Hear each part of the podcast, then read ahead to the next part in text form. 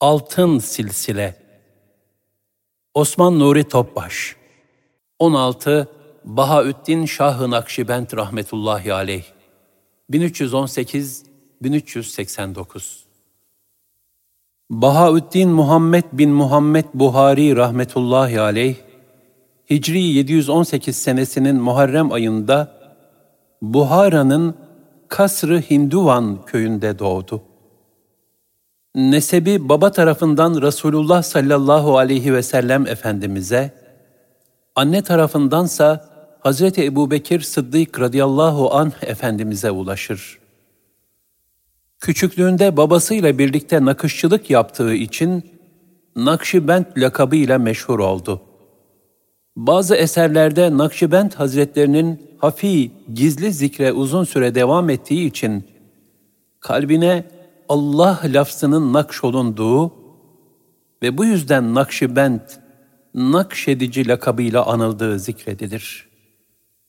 Nakşibend Hazretlerinin doğumundan önce baba Semasi rahmetullahi aleyh, Kasr-ı Hinduvan'a çok gelip gider ve sohbetlerinde yakında bu Kasr-ı Hinduvan, Kasr-ı Arifan olacak buyururlarmış. Selahattin bin Mübarek el-Buhari, Enisü't Talibin, sayfa 36 Enisü't Talibin isimli eserin müellifi olan Selahattin bin Mübarek el-Buhari, 785-1383 senesinde Alaaddin Attar Hazretlerinin vasıtasıyla Şah-ı Nakşibend Hazretlerine intisap etmiştir. Nakşibend Hazretleri kendisi hayattayken böyle bir eserin telifine müsaade etmemiş, ancak vefatlarından sonra müellif istihare yaparak manevi bir işaretle bu eseri telif etmeye başlamıştır.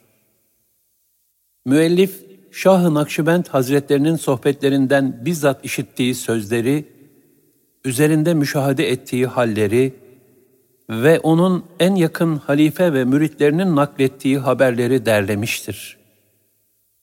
Bu sebeple Şah-ı Nakşibend Hazretleri ile alakalı ilk kaynaklardan bilgiler ihtiva etmektedir. Bunun için de Reşahat ve Nefahat gibi meşhur tabakat kitaplarının en mühim kaynaklarından biri olmuştur. Şah-ı Nakşibend rahmetullahi aleyh o günlere dair şöyle buyurmuşlardır. Allah Teala'nın bana en büyük lütuflarından biri, daha çocukluk günlerimde Semasi Hazretlerinin mübarek nazarlarıyla müşerref olmam ve onun beni manevi evlatlığa kabul buyurmalarıdır. Semasi rahmetullahi aleyh vefat edince dedem beni Semerkand'a götürdü. Dedem nerede gönül ehli bir derviş olduğunu duysa, hemen beni ona götürür ve benim hakkımda güzel nazarlarını esirgememeleri için adeta yalvarırcasına ricada bulunurdu.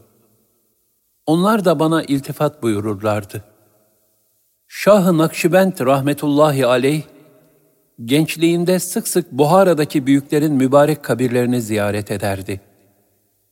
Yine böyle kabir ziyareti yaptığı bir gece gittiği mezarların başındaki lambalarda yağın dolu olmasına rağmen fitili hareket ettirilmediği için ışığın zayıf olduğunu gördü. Oradan mezarı mezdahine gitti. Kıbleye dönük olarak otururken birden gaybet haline geçiverdi. Gaybet, maddi alemden kalben alakayı kesip kendinden geçmek. Büyük bir tahtın üzerine yüzü peçeli bir zatın oturmuş olduğunu etrafında da pek çok kişinin bulunduğunu müşahede etti. O topluluk içinde Baba Semasi Hazretlerini görünce, bunların vefat eden hak dostları olduğunu anladı. O hak dostlarından biri, Nakşibend Hazretlerinin yanına gelip, tahta oturan zatın Abdülhalik Gucduvani rahmetullahi aleyh, yanındakilerin de halifeleri olduğunu söyledi ve tek tek isimlerini saydı. Sıra Semasi Hazretlerine gelince, sen onu hayattayken görmüştün, senin şeyhindir ve sana Ali Ramiteni Hazretlerine ait bir külah, bir emanet vermişti dedi. Sonra o topluluk, iyi dinle, Hacı Abdülhalik Hazretleri, sana seyr-i sülükte zaruri olan şeyleri telkin edecek dediler. Hacı Abdülhalik rahmetullahi aleyh yüzünden peçeyi kaldırdı ve tasavvufi terbiyenin başlangıcı, ortası ve sonu hakkında bilgiler verdi.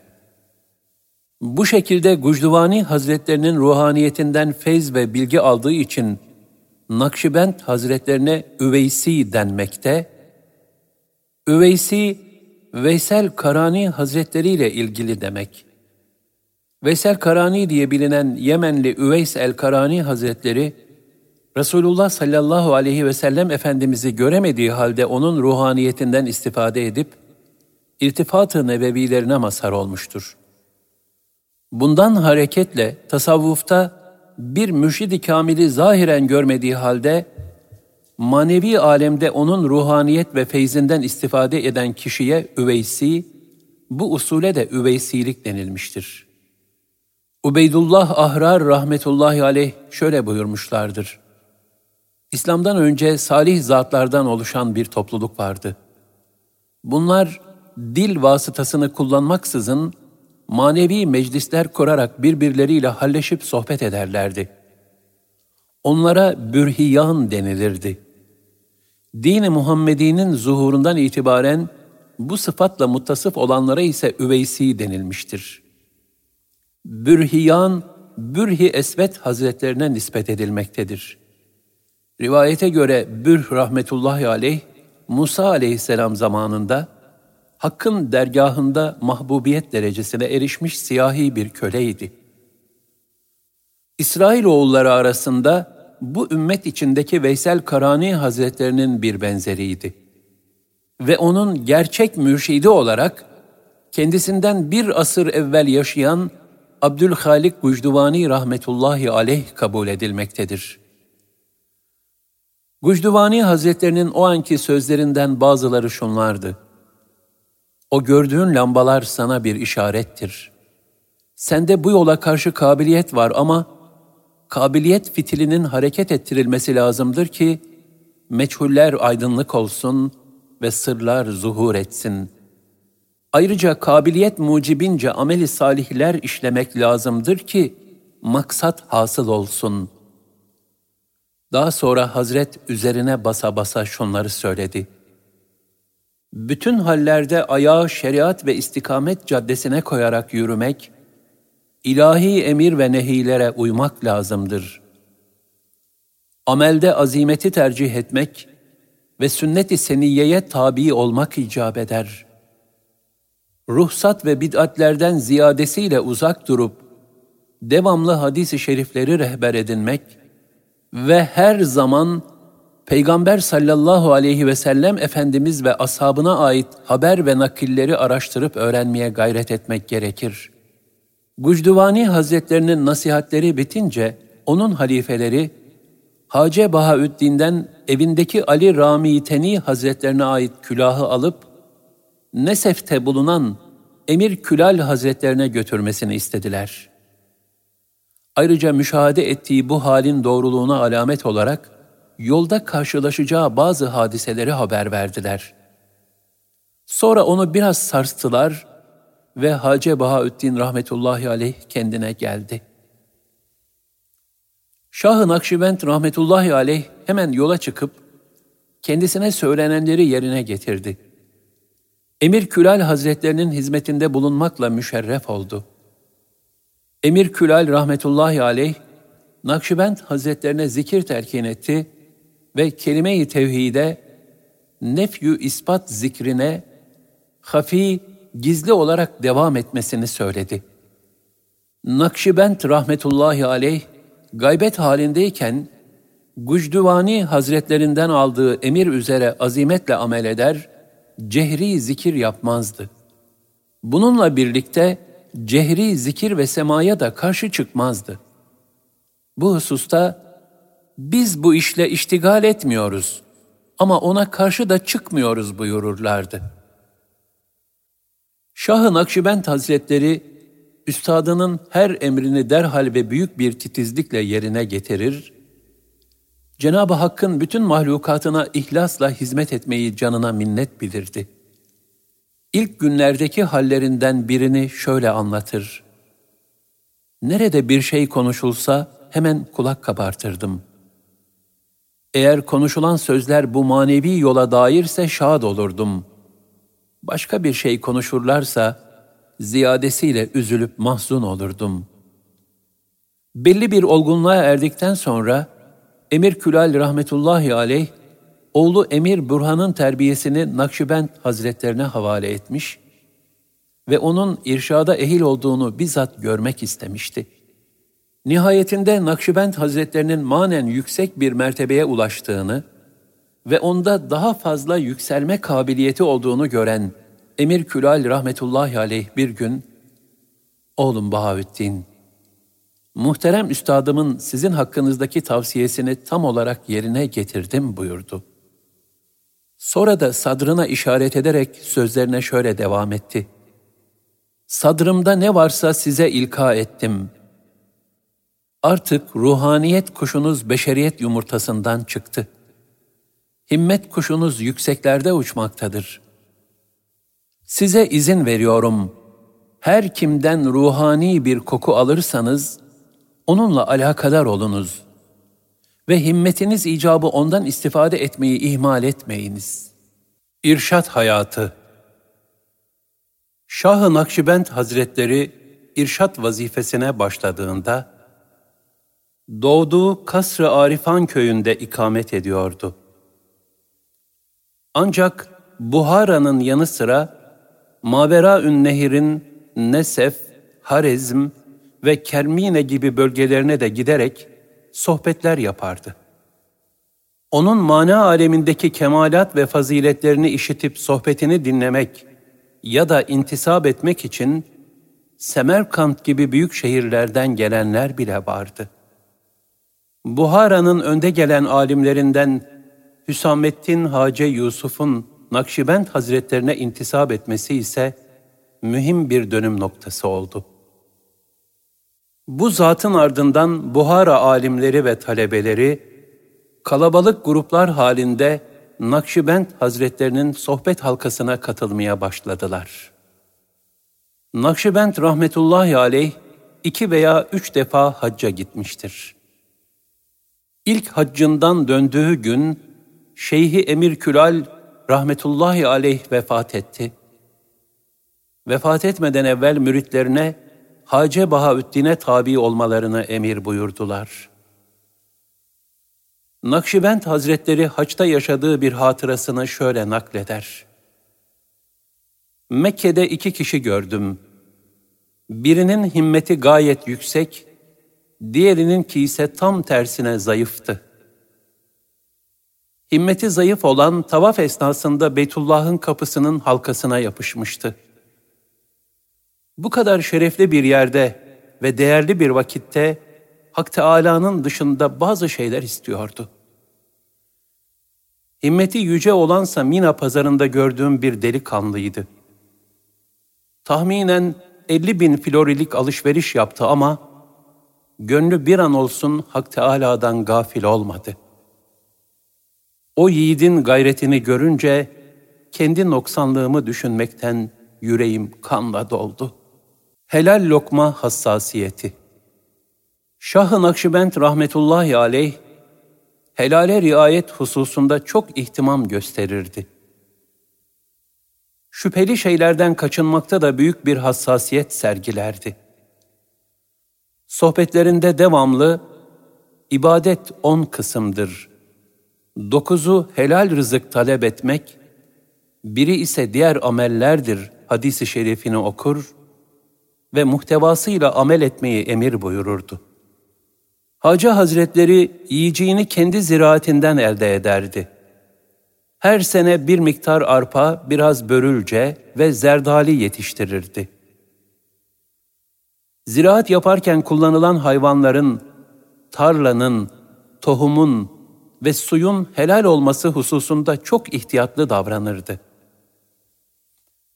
Bu sebeple pek çok alim teberrüken onun helal yemeğinden yemek için sohbetlerine iştirak ederdi.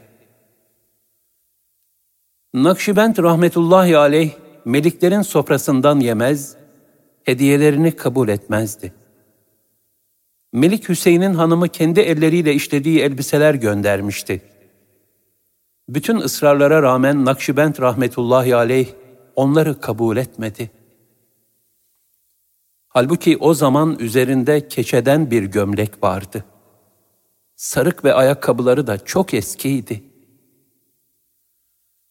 Buhara'nın alimlerinden biri Nakşibend Hazretlerine namazda kalp huzuru ne ile hasıl olur diye sormuştu. Hazret ona şu cevabı verdi. Helal yemek yemeli ve yerken uyanık olmalıdır. Namaz dışındaki zamanlarda abdest alırken ve iftitah tekbirini getirirken de uyanık olunursa, namazda kalp huzuru sağlanabilir. Bir defasında manevi hallerinin kaybolduğundan yakınan bir talebesine, yediğin lokmaların helalden olup olmadığını iyi araştır buyurmuştu. Talebe gidip araştırdığında, yemeği pişirirken ocakta helal olup olmadığı şüpheli bir parça odun yaktığını tespit etti ve hemen tövbe etti. Nakşibend Hazretleri el emeğiyle çalışıp kazanmaya da çok ehemmiyet verir ve bu hususta tevekkül sahibi kişi nefsini görmemeli ve çalışarak tevekkülünü gizlemelidir buyururdu. Onun düsturu dünyevi işlerde çalışıp kazanmak ve kimseye yük olmamak, ancak çalışırken de Hak Teâlâ'dan gafil olmamaktı. Gafletten sakındırması Şah-ı Nakşibend rahmetullahi aleyh çoğu zaman yemek pişirme ve sofra hizmetinde bizzat çalışırdı. Yemek yerken uyanık olmak ve kalp huzurunu sağlayabilmek için dervişlere devamlı tavsiyelerde bulunurdu. Müritleriyle birlikte yemek yediğinde onlardan biri bir lokmayı ağzına gafletle götürse, derhal onu yumuşak bir lisanla ikaz eder ve bir lokmayı bile gafletle yemelerine gönlü razı olmazdı. Şayet bir yemek öfkeyle, gönülsüz olarak ve zorla pişirilmişse, onu yemediği gibi talebelerinden birinin yemesine de razı olmaz, bu yemekte zulümat, karanlıklar var, bizim ondan yememiz münasip değildir buyururdu. Şu hususa dikkat etmek gerekir ki, Şah-ı Nakşibend Hazretleri ve bazı ehlullah'ta görülen bu gibi tavırlar, onların eriştikleri kalbi seviye neticesinde nail oldukları bir firaset, basiret ve keşif halidir. Dolayısıyla o makama ulaşmamış birinin kendini adeta Şah-ı Nakşibend makamında görerek böyle sözler söylemesi son derece yanlıştır.''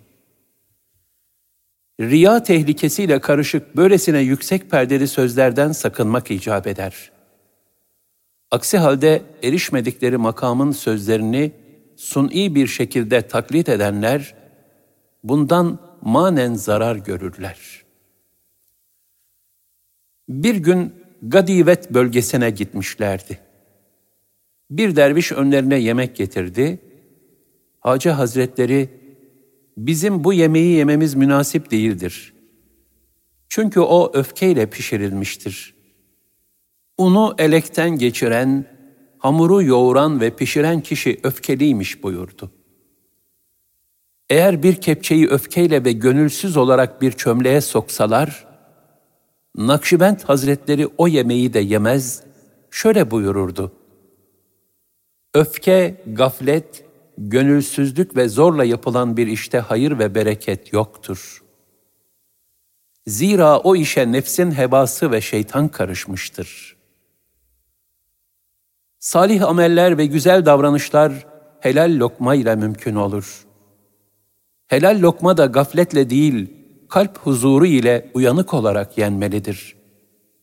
Bütün vakitlerde vukufu kalbiye riayet etmeye ve uyanık olmaya gayret etmek, kişi için manevi bir temrin, alıştırma olacağından, nihayetinde bu durum namazda kalp huzuruna vesile olur. Vukufu kalbi, zikirde kalbe yönelmek ya da kalbin Allah'a yönelmesidir. Bu ihsan duygusunun daimi bir şuur haline gelmesi demektir. Salih her fırsatta kalbini kontrol etmeli, onun ne halde olduğuna bakmalıdır. Zira zikirde asıl matlup, kalbin zikredilenden haberdar olmasıdır. Zikir, ağızdan kalbe inmeyen lafızların tekrarından ibaret değildir. Bu sebeple zikir esnasında bütün dikkati zikredilene teksif etmeye çalışmak gerekir. Zira ayet-i kerimede buyurulur, Rabbinin ismini zikret ve masivadan kesilerek bütün varlığınla ona yönel. El-Müzzemmil 8 Bir defasında abdest ve temizlik işlerinde kullanılacak suyu ısıtmak için ocağa koyan talebelerin, bu esnada boş sözlerle meşgul olduklarını işitince, onlara şu ikazda bulunmuştu. Bu kadarcık da mı bilmiyorsunuz? Yemek pişirirken ve su ısıtırken gönlü hazır eylemek ve lisanı mala yaniden muhafaza etmek gerekir. Bu durumda o suyla abdest alan ve o yemekten yiyenin gönlünde huzur ve uyanıklık meydana gelir. Gafletle ısıtılan sudan abdest alan ve gafletle pişirilen yemekten yiyen kişinin gönlünde ise zulmet ve gaflet meydana gelir. İlim ve amel Şah-ı Nakşibend rahmetullahi aleyh şöyle buyurur. Abdülhalik Bucduvani Hazretlerinin emrettiği şekilde Resulullah sallallahu aleyhi ve sellem Efendimizin hadisi şeriflerini ve ashab-ı kiramın haberlerini araştırmaya gayret ettim.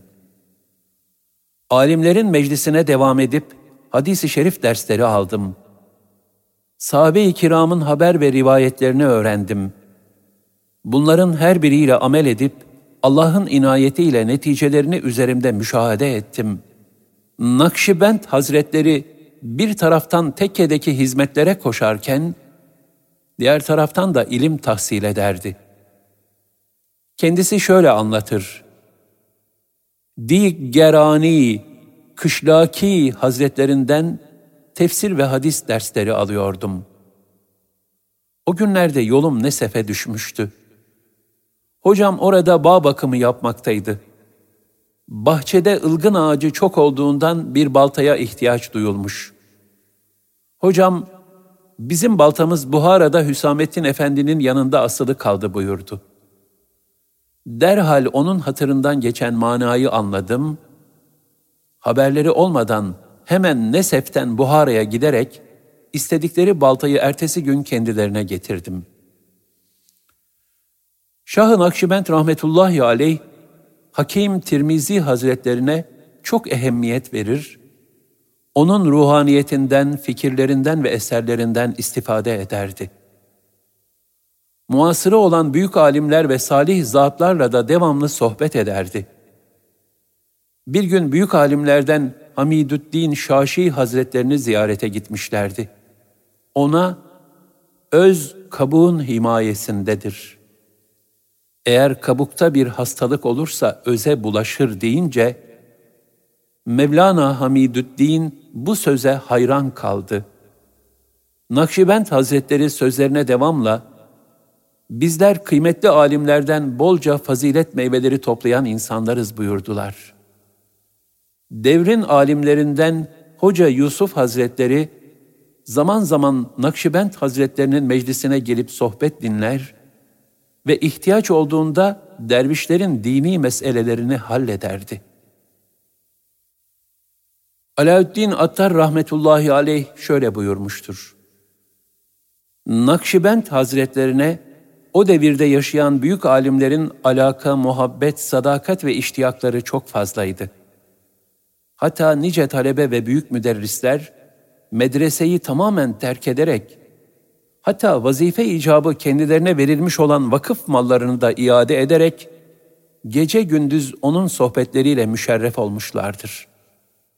Bir gün çok sayıda Buharalı alim Hazreti Hace'nin huzurunda toplandılar. İçlerinden bazı mutaassıp kimseler bugün medreselerimizde ilim ve tahsilin aydınlığı kalmadı.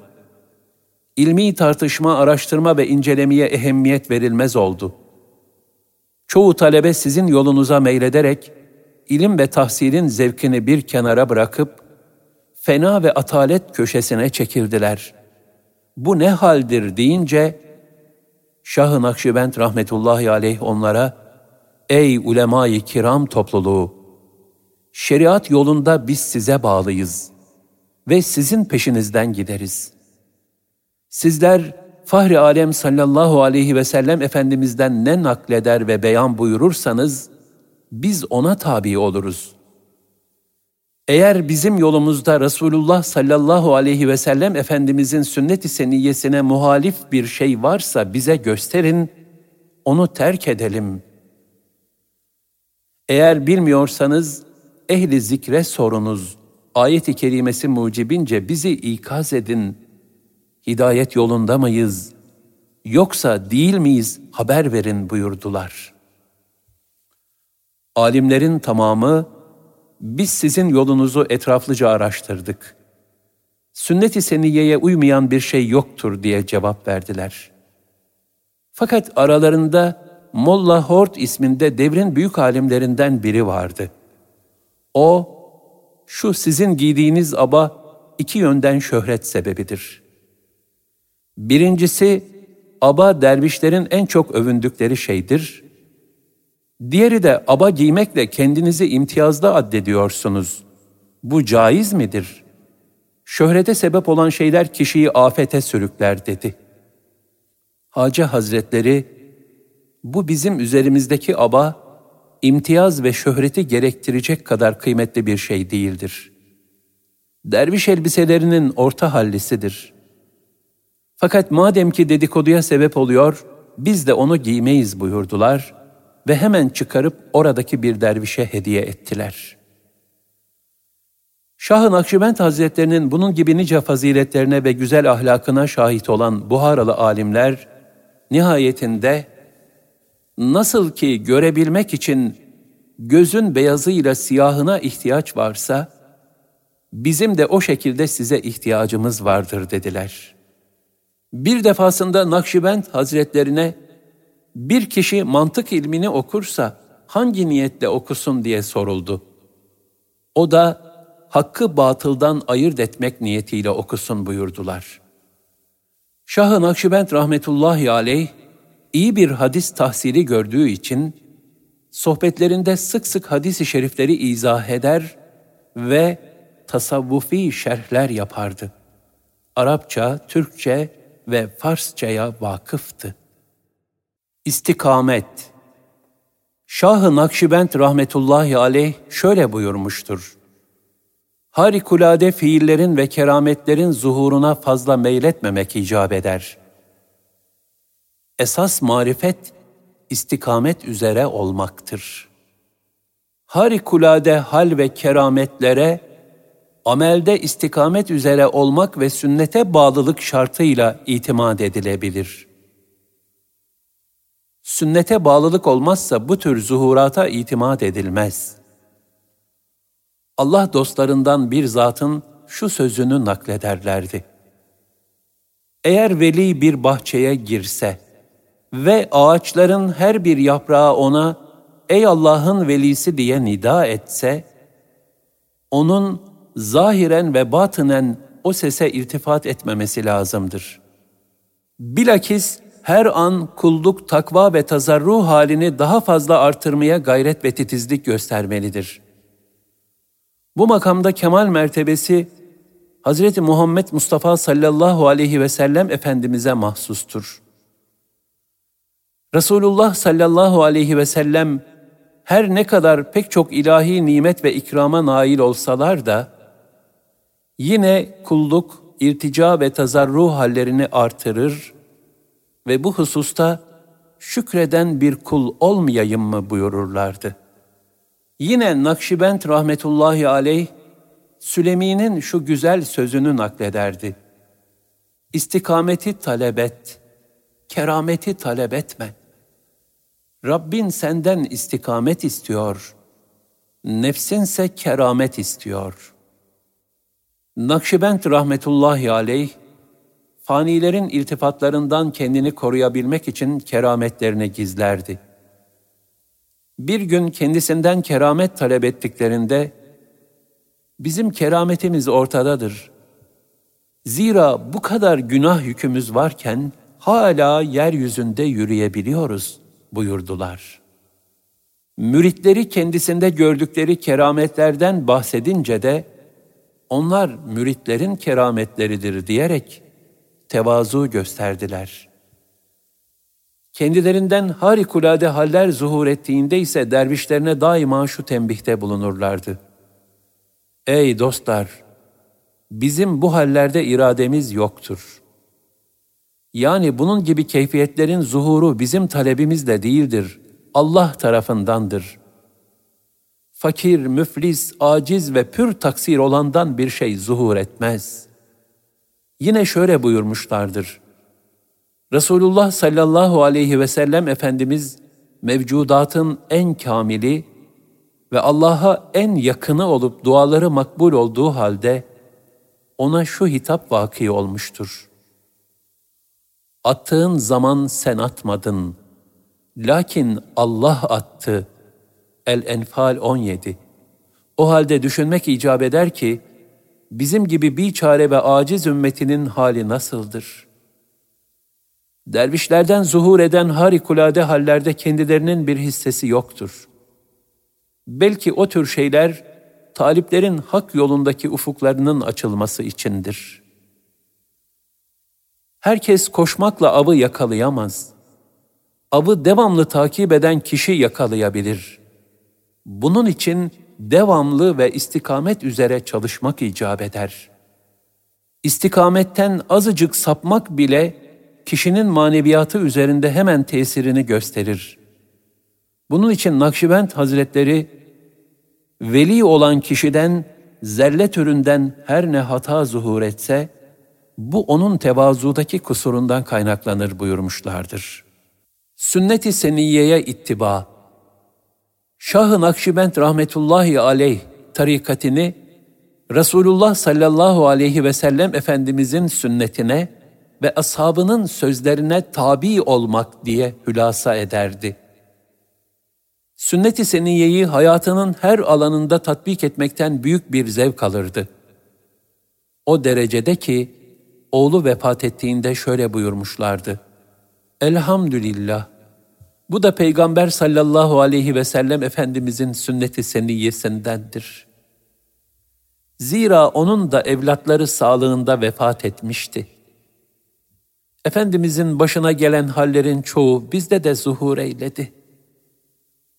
Bahaüddin Nakşibend rahmetullahi aleyh, bu gayret ve hassasiyeti sebebiyle Mühyi Süneni Seyyidil Mürselin, Resullerin Efendisinin sünnetini ihya eden ve müveddihi âthâris sahabe, sahabe-i kiramın yolunu açıklayan gibi sıfatlarla yad edilmiştir. Şah-ı Nakşibend rahmetullahi aleyh, Yakup Çerhi Hazretlerine, gücün yettiğince Resulullah sallallahu aleyhi ve sellem Efendimizin seninle alakasını kesene sen sıla rahimde bulun. Sana vermeyene ver. Sana zulmedeni affet. Hadisi şerifiyle amel etmeye çalış tavsiyesinde bulunmuştur. Bunların hepsi de nefsin zıttınadır. Ama böyle yapıldığında faydası pek çoktur. İbadet Bahaüddin Nakşibend rahmetullahi aleyh ibadetler hususunda çok hassastı. Bunun bir misalini kendisi şöyle nakleder. Tevbe etmek nasip olduğu zaman Rivertun köyünde ikamet ediyordum. Namazlarımı mescitte cemaatle kılmaya itina gösterirdim. Tesadüfen bir vakit namazı cemaatle kılamamıştım. O mescidin takva sahibi alim bir imamı vardı bana, ben seni meydanda saf tutan yani cemaate devam eden bir yiğit olarak tasavvur ederdim. Meğer sen safı ihmal edenlerdenmişsin dedi. Ben, efendim, siz bizi meydanda saf tutan olarak tasavvur buyurmuşsunuz ama hakikatte biz kalpleri perdeli olanlardanız dedim. Allah rahmet eylesin o büyük zatın dilinden şu manaya gelen bir beyit sadır oldu. Aşk pazarında yüzü kirli kalbi satın almazlar. Halis bir kalp gerekir ki ateşten temiz olarak çıkabilsin. Bu söz içime dert oldu. Onun ateşi gönlümde her an yanıp durdu ve o kararsızlık hali bende artarak devam etti. Şah-ı Nakşibend rahmetullahi aleyh, ibadetlerin manevi tekamül yolundaki ehemmiyetini de şöyle ifade buyurmuştur. Mecaz hakikatin köprüsüdür denilmiştir. Bundan kastedilen şudur. Zahiri, batıni, kavli ve fiili olan bütün ibadetler mecazdır.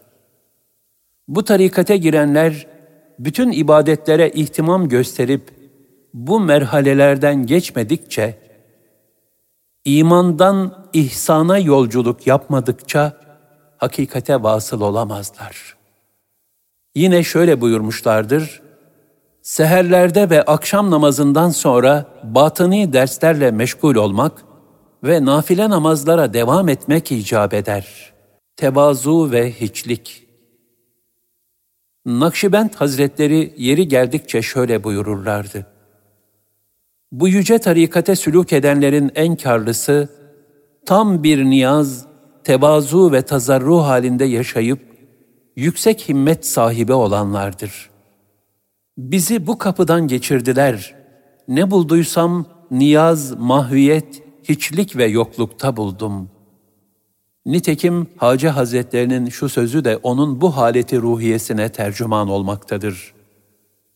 Alem buğday ben saman, herkes yahşi ben yaman. Herkes iyi, kötü olan benim. Hakikaten bütün Allah dostlarını zirveleştiren sır, bu tevazu, hiçlik ve yokluk halidir.'' Bunun içindir ki arif zatlar sen çıkınca aradan kalır seni yaradan buyurmuşlardır. Şah-ı Nakşibend Hazretleri de Hakka vuslat yolunda mesafe alabilmenin tevazu ve hiçlik libasına bürünerek kalpteki benlik kirini pasını silip atmaya bağlı olduğunu şöyle ifade buyururdu.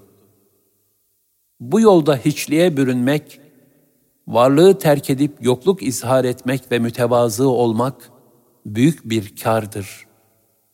Bunlar büyük bir devlete nail olmanın ipuçlarıdır.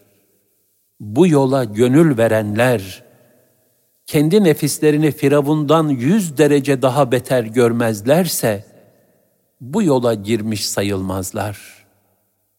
Burada şunu da ifade etmek gerekir ki, Firavun kafir olduğu için Allah katında hiçbir müminin ondan daha aşağı olması düşünülemez. Bununla birlikte nefs, insanın ebedi hayatı için o kadar tehlikelidir ki, zararının büyüklüğünü açıkça ifade edebilmek için Hazret, kesretten kinaye olarak böyle bir mübalağada bulunmuştur. Öte yandan herkesin akıbeti meçhuldür. Bu itibarla bir insan küfürde Firavun derecesinde şiddetli olsa bile, son nefesinden önce hidayete ererek bütün günahlarından arınma ihtimali vardır. Bu sebeple mümin, Allah'ın kullarını hor görerek, kendisinde bir üstünlük vehmetme gafletinden titizlikle sakınmalıdır. Şu hadise, Şah-ı Nakşibend Hazretlerinin tevazu ve hiçlik ufkunu ne güzel ifade etmektedir.'' Hacı Hazretleri bir defasında Kufin adlı yere gitmişti. Kendi dervişleri ve o beldenin halkından büyük bir kalabalık peşinden gidiyordu. İnsanların bu kadar alakasını çekmiş olmaktan müteessir olan Nakşibend Hazretleri ağlamaya başladı. Onun bu halini görenler de ağladılar. Fakat Hazretin niçin ağladığını anlayamadılar.''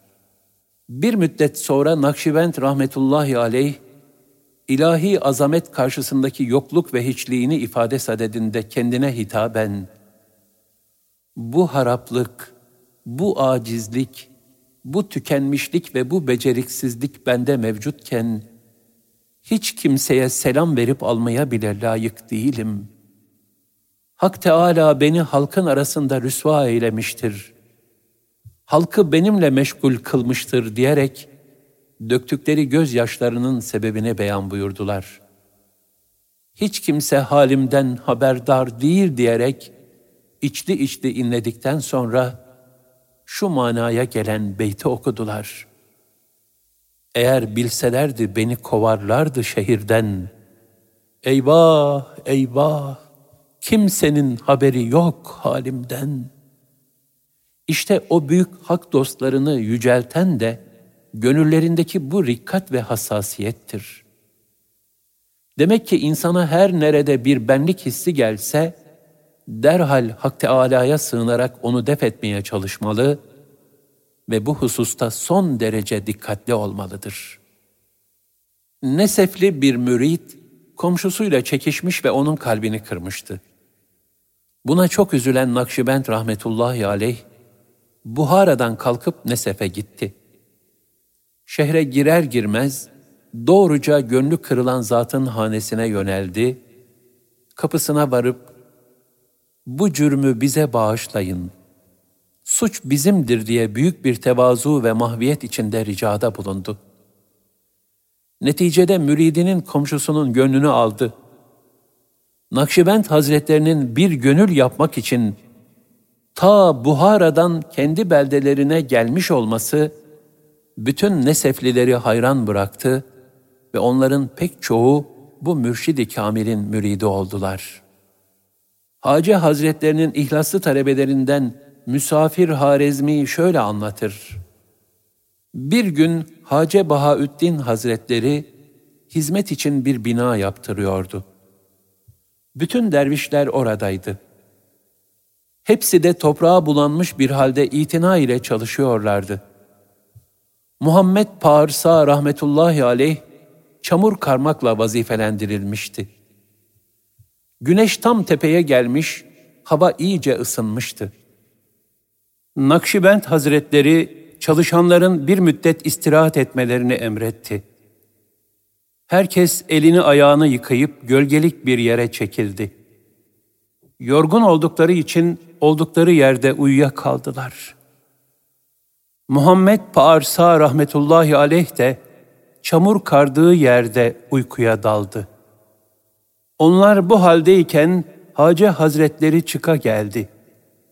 Bütün sufilere nazar etti. Sonra Muhammed Parsa'nın yanına vardı. Onun bu halini görünce duygulanıp, mübarek yüzlerini Muhammed Parsa'nın ayaklarına sürerek, İlahi, bu ayaklar hürmetine Bahaüddin'e rahmet eyle diye dua etti.'' Alaüddin Attar rahmetullahi aleyh şöyle buyurur. Acziyetini idrak edip tevbe etmekten başka kurtuluş ümidi yoktur. Salik daima kendi amellerinin kusurunu görüp eksikliğini bilmeli. Acziyet ve günahkarlıktan kaynaklanan pişmanlığın lütuf ve kerem sebebi olduğunu düşünerek Hakk'a iltica etmelidir.'' Şah-ı Nakşibend rahmetullahi aleyh, talebelerine daima bu hali emrederek, beni devamlı bu sıfatta tuttular buyururdu. Şah-ı Nakşibend rahmetullahi aleyh şöyle buyurmuştur. Gönül ehlinin yolu, yaptığı salih ameli az görmek, tevazu, hiçlik, yokluk ve acz halinde bulunmak, amellerini kusurlu, hallerini noksan bilmektir. Nefsin enaniyetinin kırılması hususunda kendini kusurlu görmek kadar faydalı başka bir şey yoktur. Peygamberlerin bile zelle yani küçük hatalara düşmelerinin hikmetlerinden biri de budur. Tevbenin hakikati günahların aslı olan kibir, gurur ve benlik duygusundan vazgeçerek acziyeti idrak etmektir. Bu da nefsin hodgamlığını tanıyıp, onun maneviyata verdiği zararı fark ettikten sonra gerçekleşir. Kişi bu elem ve acziyet içindeyken, gönlünden Hak Teâlâ'ya yalvarır ve inler. İşte tövbenin hakikati budur. Ya Rabbi, halk senden korkar, bense kendimden korkarım. Zira ya Rabbi, senden hep iyilik, kendimdense hep kötülük gördüm. Ehlullah'ta bir kusurun meydana gelmesi, onların nefsani hallerini ve benliğini yok etme hikmetine binaendir. Nitekim Musa aleyhisselamın şeriata bağlılık duygusuyla Hızır aleyhisselama yaptığı itirazların hikmetlerinden biri de budur. Musa aleyhisselam itirazlarında hatalı olduğunu anladı ve benliği yok oldu. Nakşibend Hazretlerinin henüz hayattayken söz ve menkıbelerini derleyip yazmak isteyen Hace Hüsamettin Yusuf'a müsaade etmemesi de onun yüksek tevazuunu gösteren diğer bir hadisedir. Cömertlik Şah-ı Nakşibend rahmetullahi aleyh, dünya malına ehemmiyet vermeyip fakir olarak yaşamayı tercih etmesine rağmen, infak, ikram ve ihsanları çok üst seviyedeydi. Ona birisi bir hediye getirse, Resul-i Ekrem sallallahu aleyhi ve sellemin sünnetine ittiba ederek, o kişiye mislini yahut birkaç katını ihsan ederdi. Feyzli sohbetleri vesilesiyle Nakşibend Hazretlerine tabi olan cemaatte de bu güzel vasıflar görülürdü. Bu ahlak üzere yetişen müritleri eğer evlerine bir dost veya bir misafir gelse, külfete girmeden yemek hazırlayıp yedirir ve elden gelen her türlü ikramı yaparlardı. Hatta gerektiğinde İsar'da bulunmaktan, yani din kardeşlerini kendi nefislerine tercih ederek, kendilerinin de muhtaç oldukları şeyleri ikram etmekten çekinmezlerdi. Mesela misafirleri gece yatıya kaldığında, bir tek elbiseden başka bir şeyleri olmasa bile onu misafire verir, kendileri bunu hissettirmeden soğuk havaya tahammül etmeye çalışırlardı.'' Hizmet.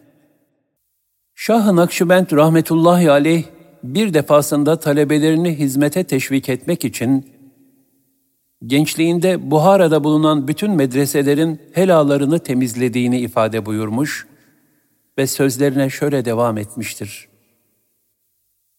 Üstadım bana kalplere dikkat et. Düşkünleri, zayıfları ve gönlü kırıkları gözeterek onlara hizmet et halkın küçük gördüğü ve iltifat etmediği kişilere sen iltifat et ve onlara karşı tevazu ve mahviyet göster tavsiyesinde bulundu. Ben de üstadımın işaret ettiği üzere bir müddet bu hizmetlerle meşgul oldum. Sonra tekrar o aziz dost bana buyurdu ki, hayvanların bakımını da tevazu ve itina ile yerine getir. Zira hayvanlar da Allah Teala'nın mahlukudur. Onlardaki tecellileri müşahede et. Onlara Halik'in şefkat nazarıyla bakmaya gayret et. Hasta ve yaralı olanların tedavisiyle meşgul ol. Bu emir üzerine hayvanların hizmetlerini görmeyi kendime vazife edindim. Bir müddet bu şekilde devam ettim.'' Şayet yolda önüme bir hayvan çıksa durur, o hayvan geçip gidene kadar öylece kalır önüne geçmezdim. Yedi sene bu minval üzere günlerim geçti. Tekrar o aziz dost bana şöyle buyurdu. Bu mübarek dergahın köpekleriyle de samimiyetle meşgul ol ve aralarından sana saadet ufuklarının açılmasına vesile olacak birini ara.'' Ben üstadımın işaretleriyle bu hizmeti de ganimet bildim ve ona sıkıca sarıldım. Bir gece bir köpeğe rastladım. beni çok farklı bir hal kapladı. Onun yanında Allah'a niyaz ve tazarruda bulundum. Hüngür hüngür ağlamaya başladım. Ben bu haldeyken o hayvancağız arkasını yere koyarak yüzünü semaya doğru çevirdi, ön ayaklarını yukarı kaldırdı ve hazin hazin inlemeye başladı. Ben de ellerimi kaldırdım, kırık bir kalple niyaz edip amin diyordum. Bu vaziyet onun susup normal haline dönmesine kadar devam etti. Yine üstadım bana yol ve geçitlerin bakımıyla meşgul ol. Eğer yol üzerinde insanların hoşlanmayacağı bir şey görürsen, onu kaldırıp temizle ki oradan geçenlere bir zarar gelmesin dedi. Bundan sonra o hizmetle meşgul olmaya başladım. Öyle ki bahsettiğim bu yedi sene zarfında üstüm başım hep toz toprak içinde olurdu. O Allah dostunun bana emrettiği her ameli büyük bir sadakatle yerine getirdim. O amellerden her birinin kendi ahvalim üzerindeki neticelerini de müşahede ettim. Şah-ı Nakşibend rahmetullahi aleyh, Emir Külal Hazretlerinin tekkesindeki ocağa sırtında odun taşırdı. Yine köyündeki cami inşa edilirken başının üzerinde çamur harcı taşımış ve şu manaya gelen bir beyit okumuştur. Ya Rabbi, senin yolundaki her işi canı gönülden yaparım. Ey mescid, senin yükünü başımda taşırım. Alaaddin Attar rahmetullahi aleyh hazretleri şöyle buyurur. Üstadımız Şah-ı Nakşibend Hazretlerinin ahlakı pek ulvi idi. Şayet bir dostu evine gelse, bizzat hizmet eder, en güzel şekilde izzet-ü ikramda bulunur ve her türlü itinayı gösterirdi. Misafirin bineğine de son derece itina ile bakardı. Öyle ki o dostun zihni artık bineğini düşünmekten kurtulurdu. Nakşibend Hazretlerinin müritlerinden Şeyh Şadi şöyle anlatır. Bir dostu veya bir misafiri geldiğinde Nakşibend rahmetullahi aleyh o zatın hizmetini ifa ettikten sonra bineğinin su ve yemini de hazırlardı. Her türlü hizmete nimet bilirdi.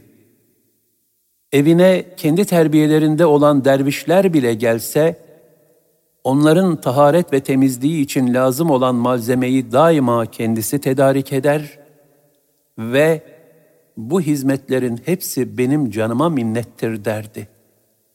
Hacı Hazretleri bir müridinin evini şereflendirdiği zamansa, onun çocuklarını, yakınlarını, hizmetçilerini, binek hayvanlarını hatta tavuklarını bile sorar, her birine bir vesileyle irtifat eder ve gönüllerini alırdı. Bir mecliste yemek hazırlandığı zaman onu hazırlayanlara bizzat kendi elleriyle o yemekten ikram ederdi. Talebelerinden biri şöyle anlatıyor. Benim Nakşibend Hazretlerine intisap edip gönülden bağlanmamın sebebi şudur. Bir gün Buhara'da dervişler toplanıp hasta olan Hacı Hazretlerine geçmiş olsun ziyaretine gittiler. Ben de onlara katıldım. Nakşibend Hazretleri ile Bağ Mezar denilen yerde görüştük. Hastayken dahi dervişleri güler yüzle karşıladılar. Hemen gidip kesilecek koyunları hazırladılar. Hatta koyunların birini mübarek sırtlarında getirip yemeğin pişirilmesiyle de bizzat meşgul oldular. İşte onun bu güzel ahlakı beni muhabbetlerinin esiri eyledi.'' Şah-ı rahmetullahi aleyh, herkesin meselesini halletmek, problemini çözmek için gayret ederdi. Bu sebeple kendisine hace-i müşkil kuşa, zor meseleleri halleden hoca efendi denilirdi. Şah-ı Nakşibend rahmetullahi aleyh şöyle buyururlardı. Hak dostları halkın yükünü ve zahmetini onların ahlakını güzelleştirmek için çekerler. Hakkın nazarının bulunmadığı hiçbir kalp yoktur. O kalbin sahibi bunu ister bilsin, ister bilmesin. İşte ehlullah bu sebeple halkın yükünü çekerler ki, gönül almaya muvaffak olsunlar da, o kalpteki nazarı ilahiden kendilerine de feyz gelsin. Sohbete verdiği ehemmiyet Bir dervişten nakledilmiştir. Şah-ı Nakşibend rahmetullahi aleyh, Allah dostlarının sohbetlerinin büyük bir nimet olduğunu her vesileyle ifade eder ve bu nimetten uzak kalmak, bu yolun yolcularının kusurlarındandır buyururlardı. Bu aciz kul, Hacı Hazretlerinin sohbet-i saadetlerine mazhar olmak için Semerkant'tan Buhara'ya gittiğimde, Nakşibend Hazretlerinin talebelerinin en fazla ehemmiyet verdikleri şeyin, imkan nispetinde bütün namazları cemaatle mescitte eda etmek ve Hazretin sohbetindeki feyz ve ruhaniyetten nasiplenmek gibi hususlar olduğunu gördüm. Şah-ı Nakşibend Hazretleri şöyle buyururlardı. Kişi insanlarla beraber olup onlara hizmet edince, halvete çekildiği zamanlardan daha fazla gönül huzuru elde eder. Yani kesrette vahdeti yakalar. Kalabalıklar içindeyken Cenab-ı Hak'la beraber olabilirse, gönlü daha fazla huzura kavuşur. Bizim yolumuzda gönül alemi ancak bu şekilde inkişaf eder. Bizim yolumuz sohbet yoludur. Halvette şöhret, şöhrette ise afet vardır. Hayır ve bereket, birlik ve beraberliktedir. Birlikte olmak sohbetle mümkündür. Ancak bu halin gerçekleşmesi, sohbetin faydalı olması şartına bağlıdır. Bir kişinin başkasıyla sohbeti ise benliği terk edip hiçliğe bürünmekle hasıl olur. Bizim sohbetimize gelenlerin bir kısmının kalbinde muhabbet tohumu varsa da, dünyaya olan alakaları ve bunun oluşturduğu pislik sebebiyle bu tohum filiz verip büyüyemez. Bize düşen vazife, onların kalbini bu nefsani arzulardan temizleyerek, muhabbet tohumunu filizlendirmektir. Bazılarının kalbinde ise muhabbet tohumundan eser yoktur. Biz onların kalbinde muhabbet oluşması için himmet ederiz.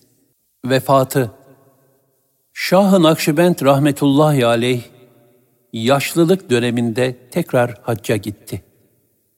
Bu yolculuktan dönerken hastalandı. Talebelerinden şöyle nakledilmiştir. Şah-ı Nakşibend rahmetullahi aleyh ölümü çok yad ederlerdi.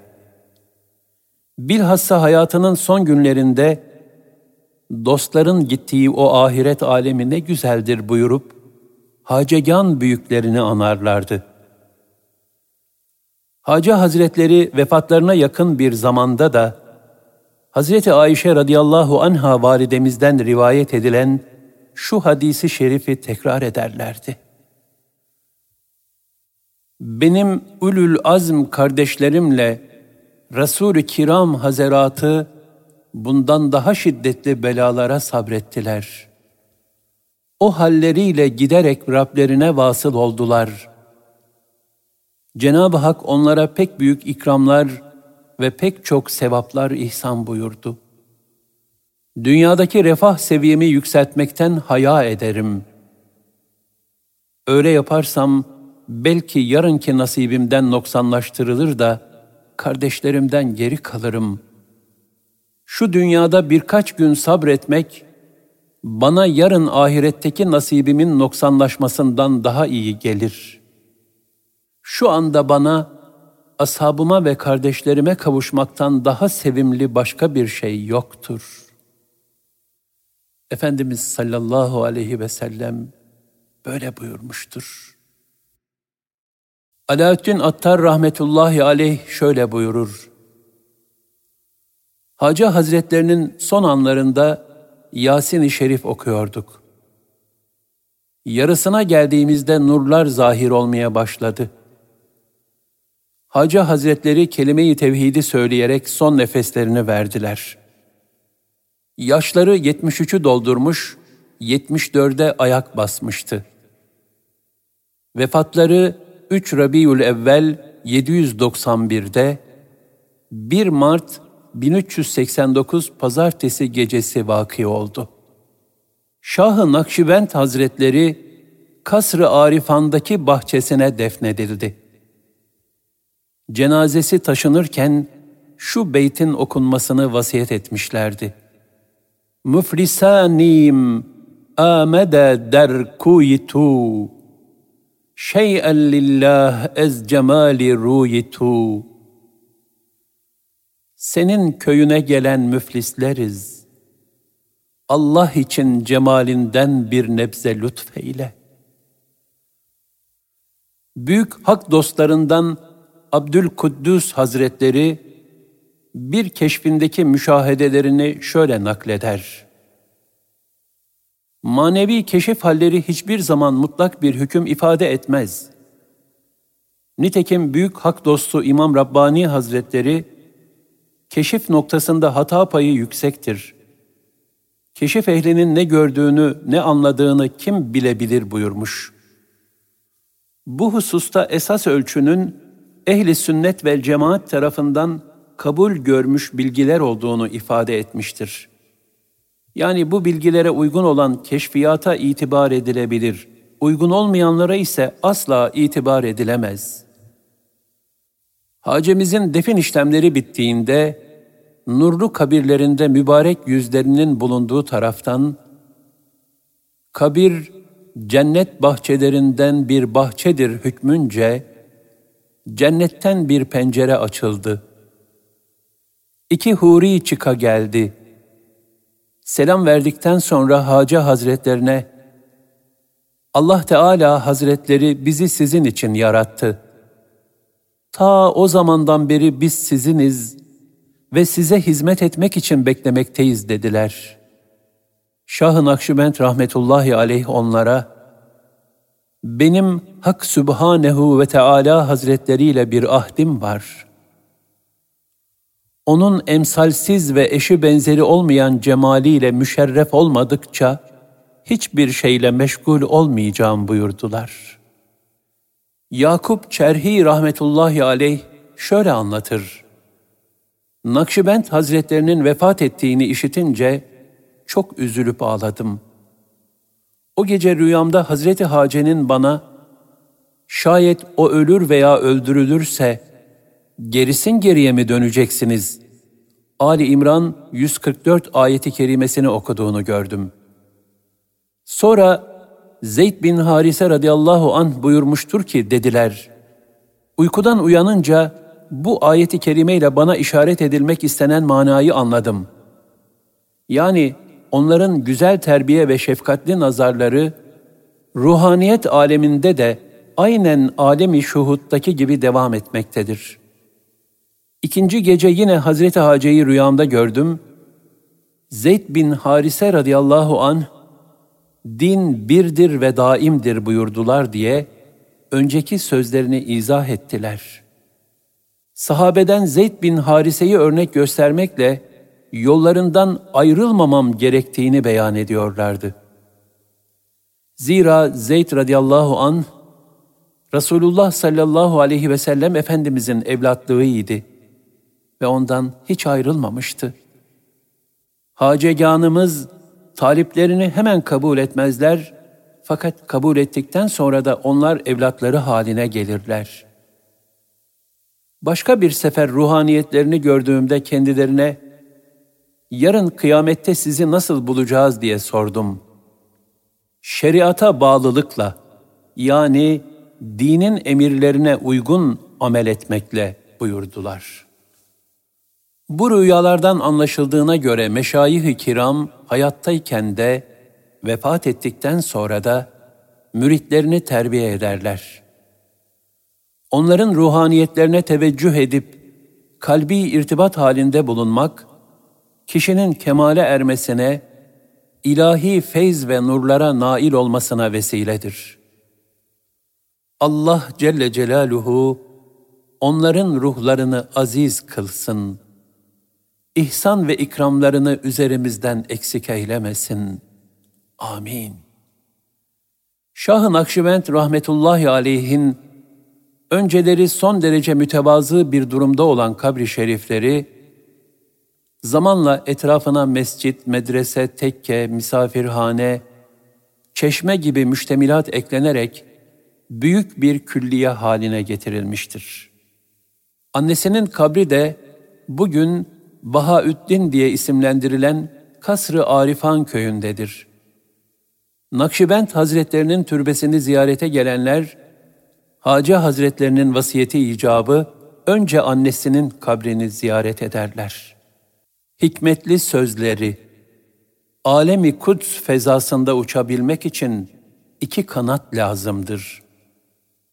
Biri çok ameli salih işlemek, diğeri de kendini kusurlu görmek. Daima Allah'ın latif sıfatına sarıl ve O'nun fazlu keremini talep et. Sakın amellerinin karşılığını bekleme. Kemalat ve fazilet olarak söz ve davranışlarından her ne zuhur ederse etsin, onu hiçlik deryasına atıp unut.'' Devamlı nefsinin kusurlarını gör. Ubeydullah Ahrar rahmetullahi aleyh anlatıyor. Bir aziz zat dünyadan ayrıldıktan sonra Nakşibend Hazretlerini rüyasında görmüş ve ona ebedi kurtuluşumuz için ne yapalım diye sormuş. Hacı Hazretleri şu cevabı vermiş son nefeste neyle meşgul olmak gerekiyorsa onunla meşgul olun. Yani son nefeste nasıl ki tamamen Hak Teâlâ'yı düşünmeniz lazımsa, hayatınız boyunca da o şekilde uyanık olunuz. Zikir telkini bir kimsenin eline çakmak taşı vermek gibidir. Bundan sonra iyi bir netice oluşması için amel etmek müride aittir.'' Zikirden maksat yalnızca Allah ve la ilahe illallah demek değildir. Belki sebepten müsebbibe, sebeplerin sebebi olan asıl faile gitmek ve nimetlerin müsebbipten yani Cenab-ı Hak'tan geldiğini görmektir. Zikrin hakikati gaflet meydanından müşahede fezasına çıkmaktır. Yani zikrin lafızda kalmayıp kalbe intikal ederek davranışlara aksetmesi lazımdır. Zikir gafletin giderilmesidir. Gaflet giderildiğinde sussan bile zikir halinde olursun. Namazın erkanı ve ezkarıyla meşgul olup ona tam olarak yönelmek lazımdır. Bu müptedilerin daha işin başında olanların durumuna göre değişir. Vüdu yani abdest namazında birçok ecirler olduğunu da unutma. Allah Teala görülen, işitilen, hayal edilen, düşünülen her şeyin dışındadır. Kelime-i tevhiddeki la yoktur ifadesinin hakikati Allah Teala'yı bu tür şeylerden tenzih etmektir.'' Zira Cenab-ı Hakk'ın sıfatlarından biri de muhalefetün lil havadistir. Yani o, yarattıklarına benzemekten münezzehtir. Her durumda hukuka riayet etmek, hak yoluna sülük edenlerin edeplerindendir. Onun için maksut ve matluba erişenler, hukuk ve adaba riayet etmekle erişmişlerdir.'' Masivaya yani kulu Allah'tan uzaklaştıran dünyevi şeylere gönül bağlamak, bu yolda gidenler için en büyük gaflet perdesidir. İnsanların Hak Teâlâ'dan uzak düşmelerinin sebebi, kendilerini uzak tutmaları ve kendi istekleriyle üzerlerine fazla dünya yükü almalarıdır. Yani nefsani ihtiraslarının zebunu olmalarıdır.'' Yoksa feyz-i ilahide kusur yoktur. Bir mevzuda gönül ehli ve aziz insanlara danışıp istişare etmenin faydalarından biri de şudur ki, eğer işin sonunda kararın doğru çıktığı anlaşılırsa, enaniyete kapılmaktan kurtulursun. Şayet kararın doğru olmadığı anlaşılırsa, kusur ve noksanlığını anlar, yine enaniyete düşmezsin. Bu yolun esası kalbe yönelmektir. Kalple de Allah Teala'ya yönelip onu çok zikretmektir. Zira iman dil ile ikrar, kalb ile tasdiktir. Zihinle tasdik değildir. Yani zikrin kalbe yerleşerek davranışlara aksetmesi lazımdır. Neticede kul her an ilahi müşahede altında bulunduğunun idrak ve şuuru içinde olmalıdır. Yine bu yolun esası farz ve sünnetleri güzelce eda etmektir. Yeme, içme, giyme ve oturmada, işlerde ve adetlerde itidal halinde olmaktır. Kalbi kötü düşüncelerden ve vesveseden korumaktır.'' Kendisine rehber olan üstadın sohbetini büyük bir nimet bilmektir. Üstadının huzurunda da gıyabında da edebe riayet etmektir. Bu yoldan maksat, devamlı Allah Teala'nın huzurunda olmanın idraki içinde bulunabilmektir.